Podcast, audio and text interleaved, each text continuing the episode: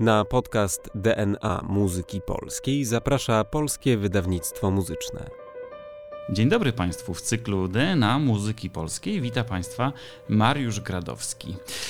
Być może ciekawi Państwa, gdzie jestem, skoro mój głos brzmi tak troszeczkę inaczej. Otóż jestem w tym momencie w Teatrze Wielkim Operze Narodowej, w budynku sławnym, takim budynku, który wielokrotnie przewijał się już w naszych podcastach. A proszę, dzisiaj właśnie w nim jestem i tutaj nagrywam rozmowę. Stąd też muszę uprzedzić, że czasami może mm, usłyszą Państwo jakiś szum, albo, albo może stłukot, albo może coś z ulicy dobiegnie jakiś głos.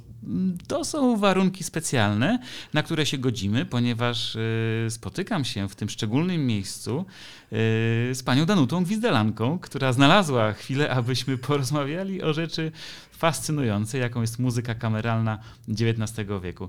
Y, dzień dobry, witam serdecznie. Dzień dobry Państwu. No ja uważam, że to jest trochę paradoks. Jesteśmy w miejscu, które jest na antypodach muzyki kameralnej.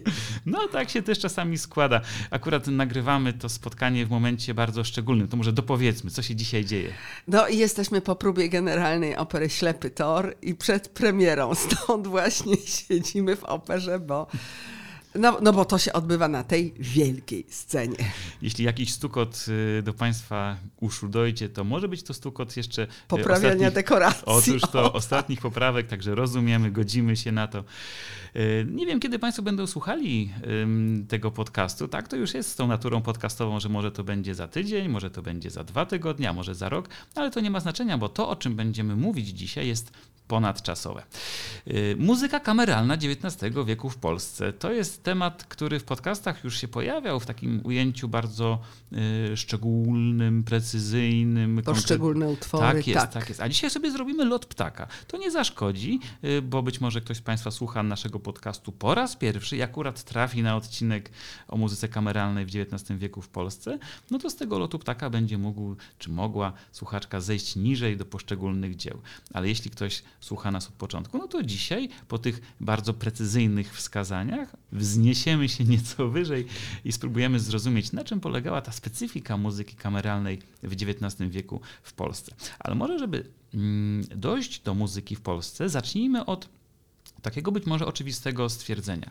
Muzyka kameralna. Co to właściwie jest muzyka kameralna?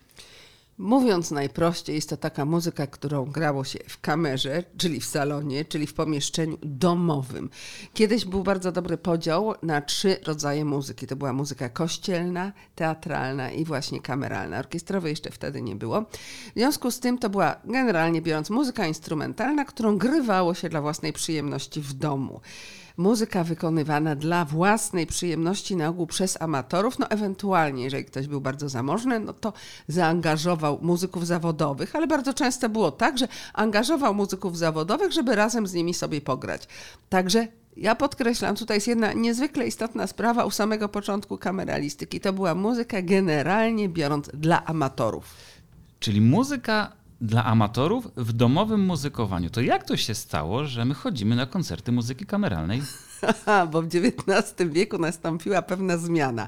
Przy czym głównym ośrodkiem, który zawinił w tym, że muzyka kameralna wyszła z domu i wyszła do sal koncertowych, był Wiedeń, a w Wiedniu wyjątkowa koncentracja arystokratów, którzy byli bogaci, ale nie aż tak strasznie jak ci angielscy czy francuscy, żeby zatrudniać od razu całe orkiestry, no z wyjątkiem może Esterhazego, w związku z czym zatrudniali y, po paru muzyków albo sami z nimi grywali. Właściwie wszyscy, którzy mają jakiś swój udział w powstawaniu utworów kameralnych, sami siedzieli na ogół przy pulpicie drugich, skrzypiec, ewentualnie altówki i zamawiali zawodowców, którzy razem z nimi to grali.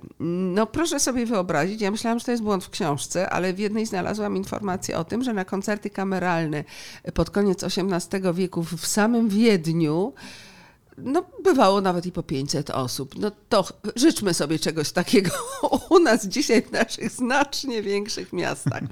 Czyli baza była niesamowita. I teraz na tej bazie pojawiło się paru znakomitych kompozytorów. Tych kompozytorów było bardzo wielu, ale wśród nich zwłaszcza dwóch było niesamowitych. Józef Haydn i potem Ludwig van Beethoven.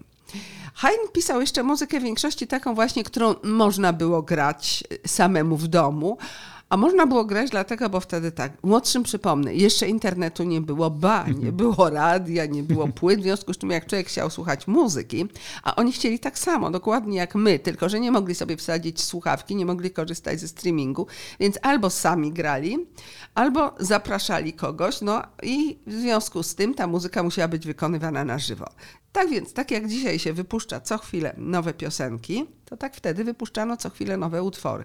Oczywiście w postaci nut, takich nadających się do grania. To się nazywa śmiesznie głosy. Trzeba uważać, to nie są głosy, to są nuty do grania przez instrumentalistów. No i tacy kompozytorzy jak Haydn i bardzo, bardzo wielu innych wykonywało tę pracę na zlecenie bardzo często wydawców.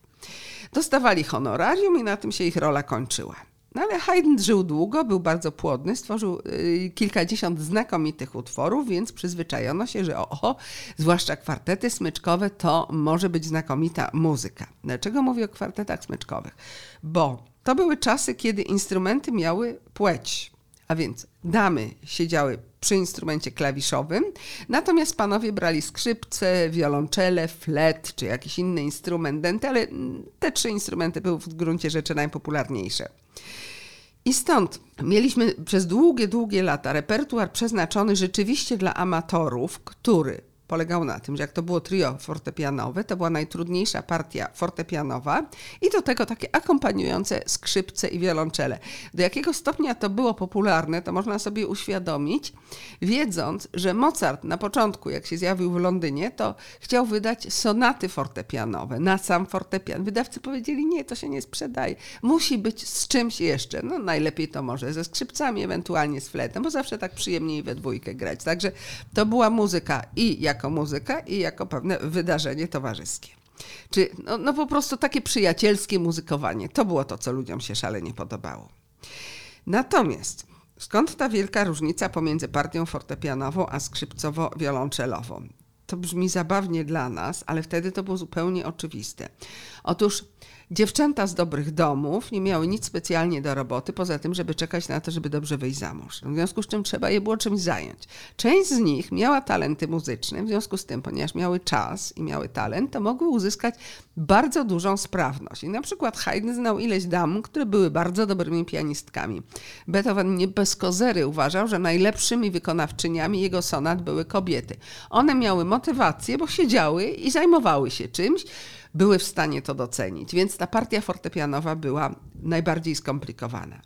No a ci bracia, czy potencjalni kandydaci na mężów, no oni jako mężczyźni mieli mnóstwo innych zajęć i obowiązków. Szermierka, jazda konno, czy wręcz chodzenie do poważnej szkoły. No więc nie mieli tyle czasu na ćwiczenie, stąd te partie wszystkie były na ogół znacznie prostsze. To jest bardzo śmiesznie, jak się dzisiaj tak mówi, że sonata na skrzypce z fortepianem a, a ten skrzypek jest akompaniatorem swojego akompaniatora, ale to się właśnie z tego bierze. Jak się o tym nie wie, to, to, to nie bardzo wiadomo, dlaczego tak jest, a to było wtedy bardzo proste. Tak jak mówimy o muzykowaniu domowym, to wydaje mi się, że warto w tym momencie wspomnieć nazwisko Stanisława Moniuszki, bo on napisał śpiewniki domowe, ale napisał też dwa kwartety domowe, które nie zostały przez niego nazwane domowe, ale tak naprawdę zasługują na to miano, bo to była muzyka, którą on celowo pisał z myślą o amatorach, chociażby takich, którzy grywali w domu jego rodziców, bo u Moniuszków na Litwie wiadomo, że w paru domach grywało się kwartety i to był odbiorca. Więc jak dzisiaj się usiłuje robić z tych jego utworów takie no, arcydzieła na miarę europejską, to myślę, że wyrządza się Moniuszce niedźwiedzią przysługę. Ale to jest świetna muzyka dla amatorów. Nawiasem mówiąc, jak się rozmawia z nauczycielami, to oni pytają, dlaczego w polskich szkołach muzycznych tak mało się gra muzyki kameralnej, że się kształci tych młodych ludzi tak, jakby wszyscy mieli być laureatami konkursu wieniawskiego, prawda? A tymczasem oni muszą grać potem w orkiestrze, muszą grać w zespołach. No i mamy ten wspaniały repertuar kameralny, również lokalny, również tego Moniuszkę, no i to mogłoby świetnie do tego służyć. Także nie tyle konkursy na najlepszych solistów, tylko konkursy na najlepsze zespoły kameralne. I wtedy mamy repertuar również lokalny. I od Moniuszki możemy zacząć wtedy. To w którym momencie nastąpiło to rozwarstwienie między muzykowaniem domowym, a muzykowaniem e, publicznym, tak to powiedzmy, na gruncie muzyki kameralnej? Tak. Tak, to jest mniej więcej początek XIX wieku i to są czasy tego dojrzałego Beethovena, ponieważ on miał szczęście, że nie tylko w tym Wiedniu było tylu melomanów, ale również dzięki temu byli znakomici muzycy i był taki sobie Ig Ignac Szupancik, który założył kwartet smyczkowy. Ten kwartet smyczkowy był już wcześniej zatrudniany przez paru wiedeńskich notabli, ale w pewnym momencie on zaczął robić koncerty publiczne i tak się zaczęła tradycja koncertów wyłącznie kwartetowych publicznie. Tam oczywiście to mógł być kwartet, kwintet czy coś, bo wcześniej grywano wprawdzie kwartety publicznie, to było w Londynie, ale to było w ramach takich dużych programów i to był jeden z wielu utworów, no po prostu co chwilę coś innego grali w innej obsadzie i w pewnym momencie mógł się pojawić kwartet. A Szupancik zainicjował koncerty kameralne wyłącznie z kwartetem. I Pierre Bayot w Paryżu niewiele później zrobił to samo. I to były właściwie dwa ośrodki, przez krótki czas również w Rosji był, bo Bayot tam właśnie był. I to spowodowało, że w tych warunkach oni mogli ćwiczyć i wyćwiczyć ten utwór. Jednym słowem, można było zacząć pisać utwory, które były bardziej skomplikowane. Bo znowu to jest coś, czego my sobie dzisiaj nie zdajemy sprawy, ale tę muzykę bardzo często grano a vista. Jak ja słyszę o wykonaniach historycznie poinformowanych, to zawsze się zaczynam śmiać, bo pytam, dobrze, ale czy to wszystko ma być tak dokładnie historycznie? Bo jakbyśmy usłyszeli, no no proszę Państwa, tak się wszyscy cieszymy, że Mozart napisał uwerturę do Don Giovanniego w ostatnią noc. To teraz pomyślcie chwilę, jak to musiało być zagrane. skoro wszyscy dostali nuty tuż przed tak, tak, premierą. Tak, a to było w przypadku Mozarta, to było nagminne. On robił wiele utworów na ostatnią chwilę, do tego stopnia, że swojej partii nawet nie zapisał, bo kiedyś cesarz mu zaglądał przez ramię i pytał go, a z czego on grał, jak tam nie było ani jednej nuty. No, on miał wszystko w głowie. No ale to pokazuje, że ta reszta nie miała czas na wyćwiczenie. Czyli wiemy już, jak to się zaczęło poza Polską. A na terenie Polski, czy możemy wskazać jakieś takie miejsca, w których po raz pierwszy można było wysłuchać muzyki kameralnej, ale poza salonem, poza domowymi pieleszami? Ach, to nie pozostaje mi nic innego, jak zacytować pewien tekst, który się ukazał w 1934 roku. 1934 roku to była zapowiedź występu warszawskiego kwartetu smyczkowego i autor tego tekstu napisał, że no cóż, kameralistyka jest u nas w powijakach, a właściwie tak powiedziawszy prawdę, to ona się jeszcze na dobre nie zaczęła. Bo były koncerty kameralne, publiczne, jeśli to tak można powiedzieć, w warszawskiej resursie. Ale to wyglądało jednak trochę inaczej. I właśnie z takich wzmianek recenzenckich, z których wynikało, że zachwycali się tym, że przyjechał jakiś e, kwartet zawodowy z zagranicy i mówili, o proszę, no tak to brzmi, jak się wyćwiczy i dawali to za przykład polskim muzykom. No to można sobie wyobrazić, jak to było na co dzień. 1934 to faktycznie późno. Właściwie tak. cały XIX wiek już całkiem sporo wieku XX. Statystycznie biorąc nie było tak źle, bo Julia Gołębiewska, która badała dzieje kwartetu smyczkowego, a to był najpopularniejszy gatunek kameralny, zwłaszcza taki z aspiracjami koncertowymi, doliczyła się około 120 utworów napisanych przez 55 kompozytorów. Większość z tych kompozytorów y, to byli amatorzy. Te 120 utworów no, istniały na różnym poziomie. Ja myślę, że to w większości była jednakże muzyka bardzo prosta, właśnie taka pisana przez amatora dla amatorów. Natomiast one się nie zachowały, bo na to, żeby utwór się zachował, to on mało, że musi zostać wydany, ale jeszcze gdzieś te wydane egzemplarze muszą być znalezione. A u nas nie było specjalnie zainteresowania muzyką kameralną.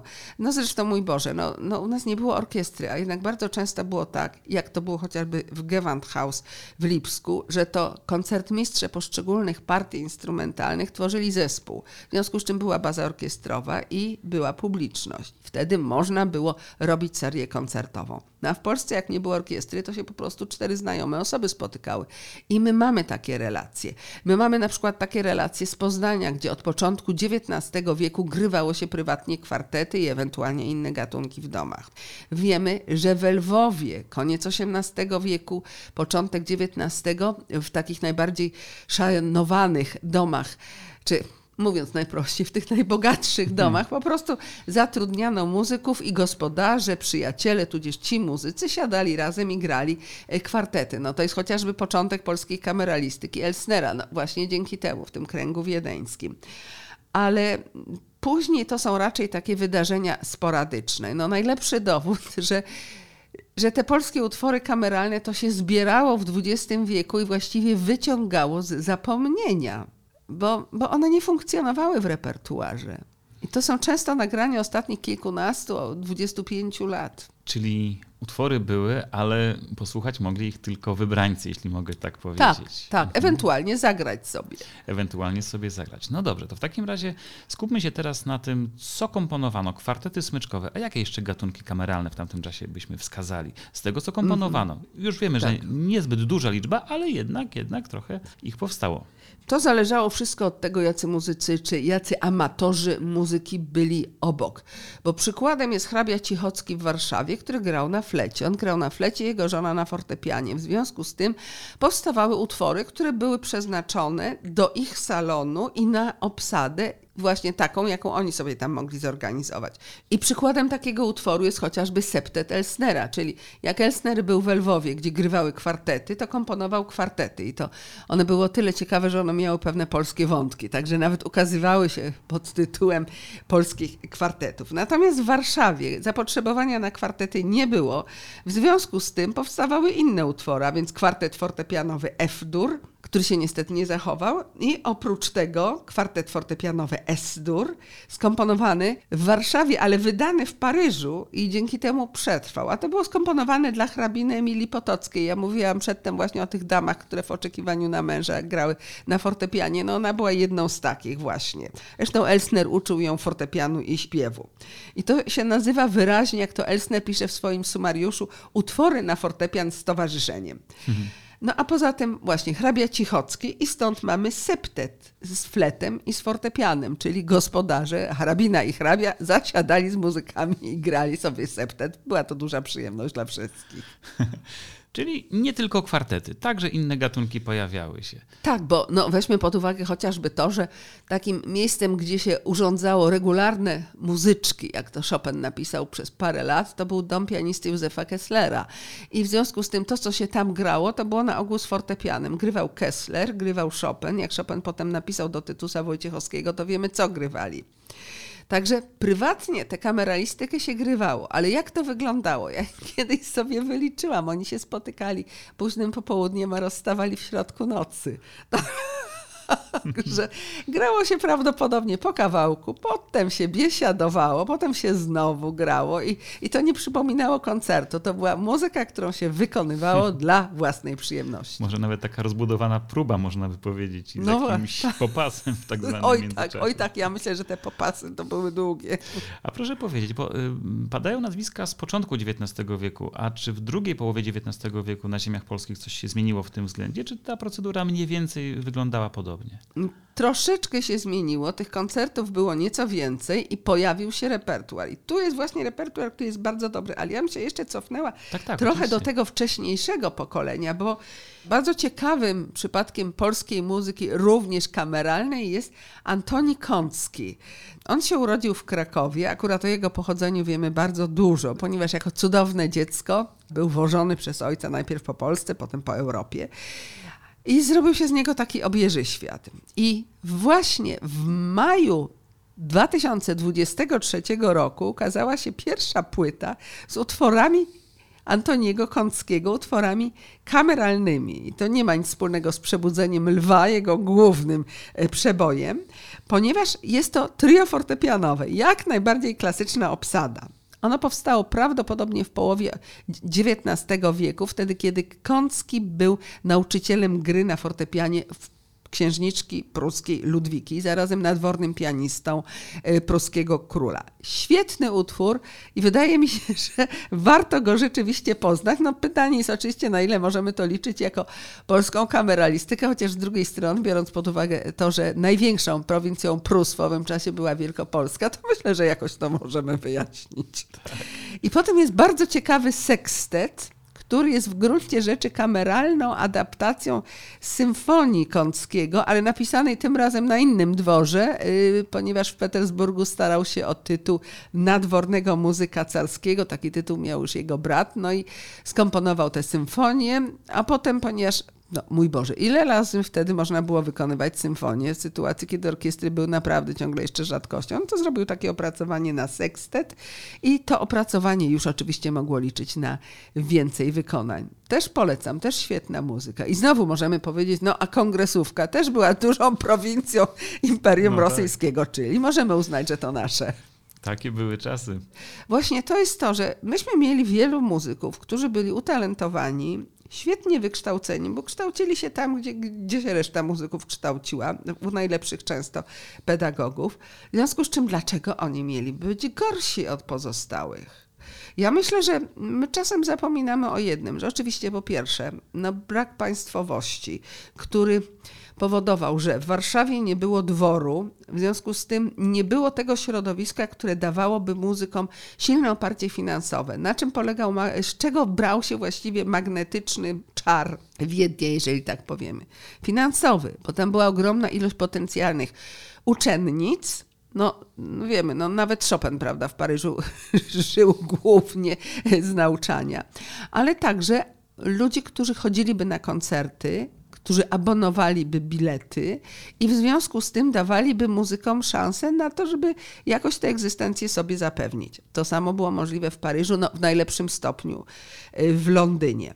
I Petersburgu, gdzie też mieliśmy dwór, a w Warszawie nie mieliśmy. Dlatego na pytanie, czemu Maria Szymanowska nie została w Warszawie, odpowiedź jest taka, co ona by tam robiła, bidula, prawda? Chopin też tak nie bardzo miał właściwie motywację do powrotu do Warszawy, no bo co on by tam robił?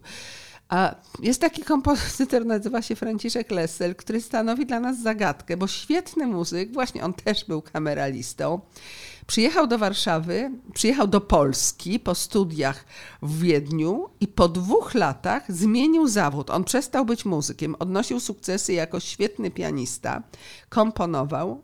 No więc co się stało, że raptem zmienił zawód w ten sposób, że został dzierżawcą, czyli zajmował się prowadzeniem cudzych majątków. Może po prostu te warunki finansowe, jakie mu oferowało polskie środowisko w największym polskim mieście, były tak skromne, że stwierdził, że nie ma sensu się tym zajmować, bo jak się czyta wspomnienia syna Feliksa Dobrzyńskiego, to okazuje się, że Ignacy Felix Dobrzyński też no, jako muzyk po prostu ledwo wiązał koniec z końcem. Czyli ja bym tutaj twier- twierdziła, że pierwszy czynnik hamujący rozwój tego typu muzyki to brak właśnie środowiska dworskiego, bardzo zamożnego, które mogłoby stanowić bazę finansową. A druga rzecz, no weźmy pod uwagę demografię, ilu nas było.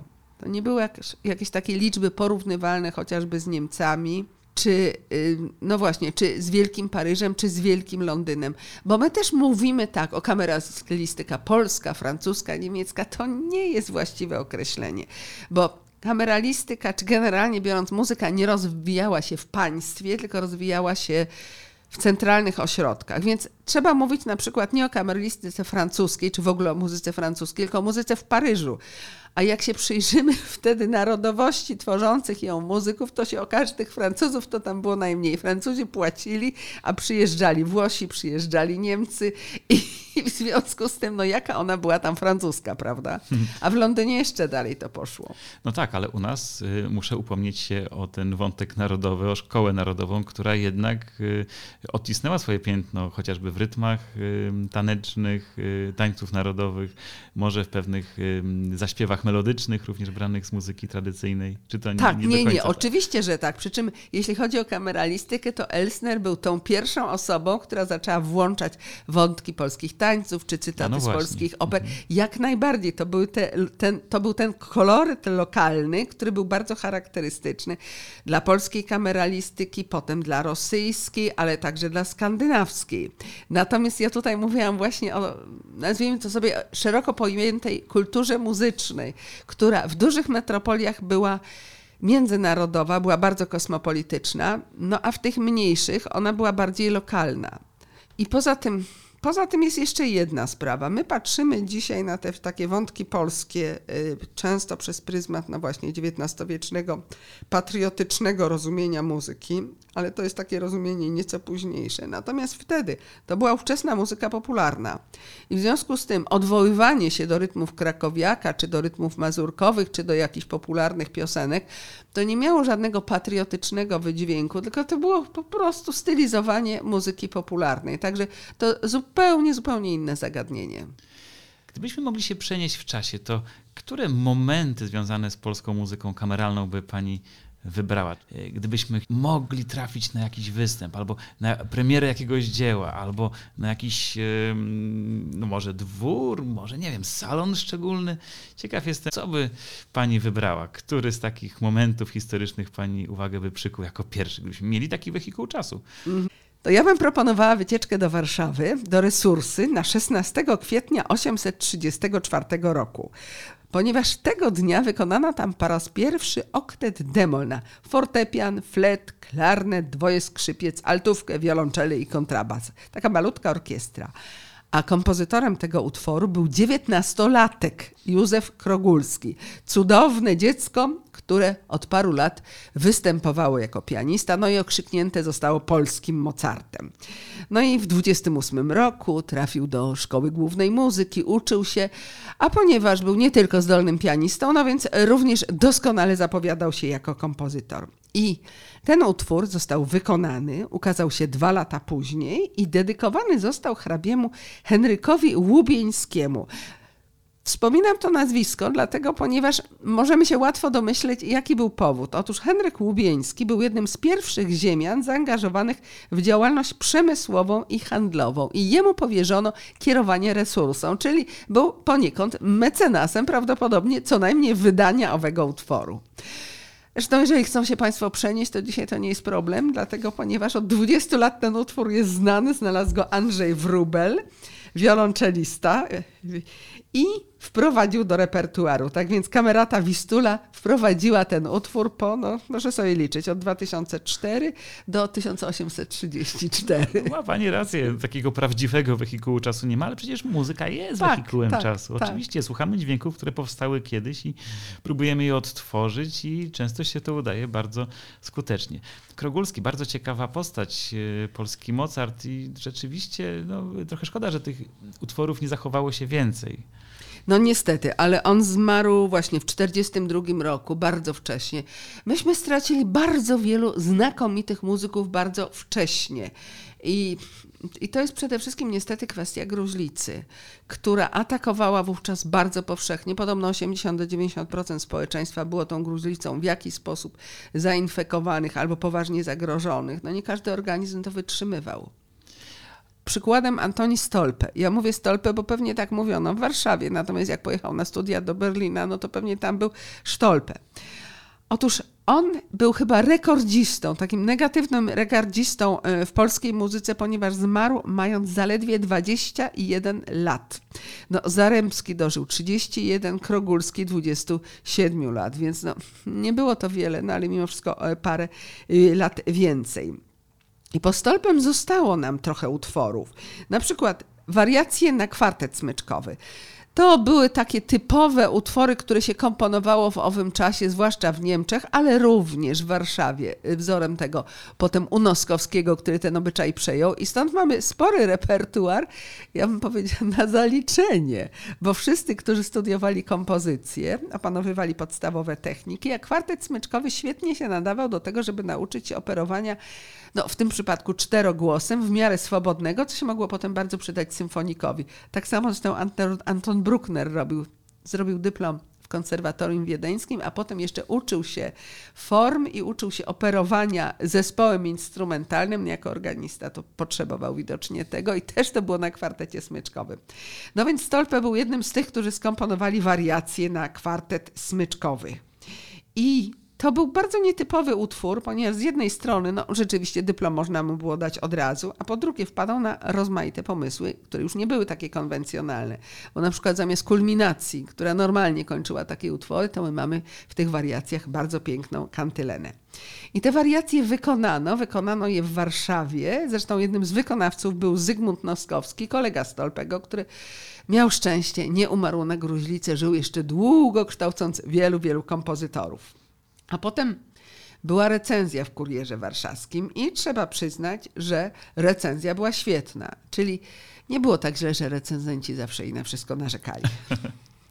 Natomiast ja z dużą satysfakcją zawsze podkreślam, że Stolpe zmarł, bo poszedł posłuchać Wagnera.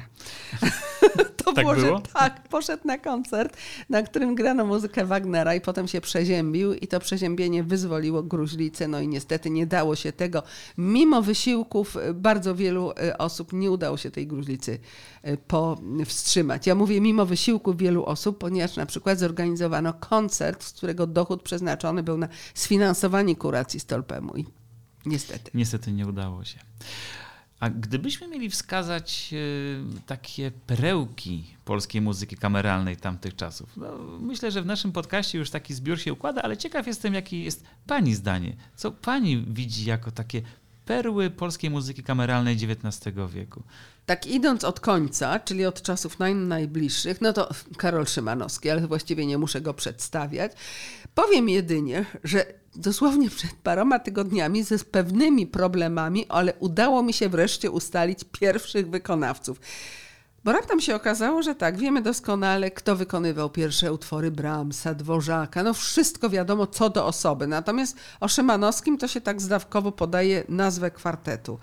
To się dało zrobić, no ale to jedynie świadczy o tym, jak strasznie niewielka u nas była tradycja zajmowania się kameralistyką, wykonywania kameralistyki, bo zidentyfikowanie tych muzyków było możliwe, dopiero po przejrzeniu lokalnej prasy. No więc te dwa kwartety, które już są w czasach niepodległej Polski wykonane, w obu przypadkach mamy do czynienia z dosyć zagadkową sytuacją, bo pierwszy kwartet został napisany przez Szymanowskiego tak sobie amuzą w czasie wojny, a dokładnie już okresie rewolucji, kiedy no, zajmował się muzyką, żeby oderwać myśli od dosyć makabrycznej rzeczywistości otaczającej go. Potem ktoś podobno zgłosił ten kwartet na konkurs ministerialny i kwartet dostał pierwszą nagrodę. Do dzisiaj przyznam, że zagadką jest dla mnie, z jakiej szuflady ten ktoś wyciągnął kwartet poza wiedzą kompozytora, bo to jest prawie też sytuacja znowu tak kryminalna jak z drugą symfonią. No drugi kwartet powstał z motywacji finansowej, którą można zrozumieć w przypadku Szymanowskiego, no ale możemy się jedynie cieszyć. Skomponował świetny utwór na konkurs, nagrody nie dostał, ale my mamy znakomity utwór. Także mamy tego Szymanowskiego najbliżej już w tej właśnie tradycji, no już może nie XIX-wiecznej, tylko XX-wiecznej, ale Szymanowski jest powszechnie znany. Natomiast wcześniej to tak naprawdę znany był przez ostatnich kilkadziesiąt lat Zaremski, Juliusz Zaremski, jego kwintet fortepianowy, odkryty w latach 30., też po dziesiątkach lat zapomnienia, rzeczywiście zrobił w XX wieku furorę. Ale oprócz Zaremskiego... No jest tak, bo to jest takie oczywiste tak, właściwie. Tak, okazuje się, że mamy znakomitego Władysława Żeleńskiego. I tutaj może na dwa utwory warto zwrócić uwagę. Otóż jest to trio fortepianowe, które jest utworem szczególnym, ponieważ jest utworem poniekąd programowym dziełem, takim programowo-filozoficznym, no ale Żeleński był też doktorem filozofii, więc to można zrozumieć. A oprócz tego jest znakomity kwartet fortepianowy Cemol, który został nagrany, wydany niedawno temu. I recenzja, która się okazała w Anglii po wydaniu tej płyty, angielski recenzent zadał pytanie, no, a dlaczego tak wyśmienite dzieło nie weszło do repertuaru? No a jak miało wejść do repertuaru, jak nikt go nie grał, prawda?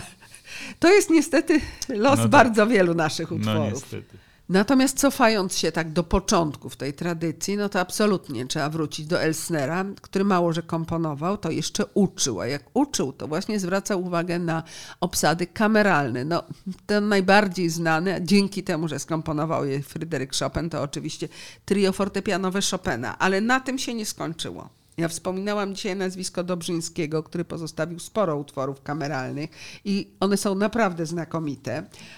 Ale do, oprócz Dobrzyńskiego, tymi kolegami Chopina, a zarazem uczniami Elsnera, byli również inni znakomici kompozytorzy. No przykładem Józef Nowakowski, starszy o 10 lat od Chopina, Nowakoś, jak go Chopin nazywał. Świetny chociażby kwintet fortepianowy S-dur. Albo Józef Krogulski, najmłodszy z kolei z tej grupy. Również znakomity oktet, o którym zresztą już dzisiaj wspominałam. A to, co mnie bardzo cieszy, bo ja sobie oczywiście zawsze patrzę, czy te utwory są wykonywane. Otóż coraz częściej tak jest.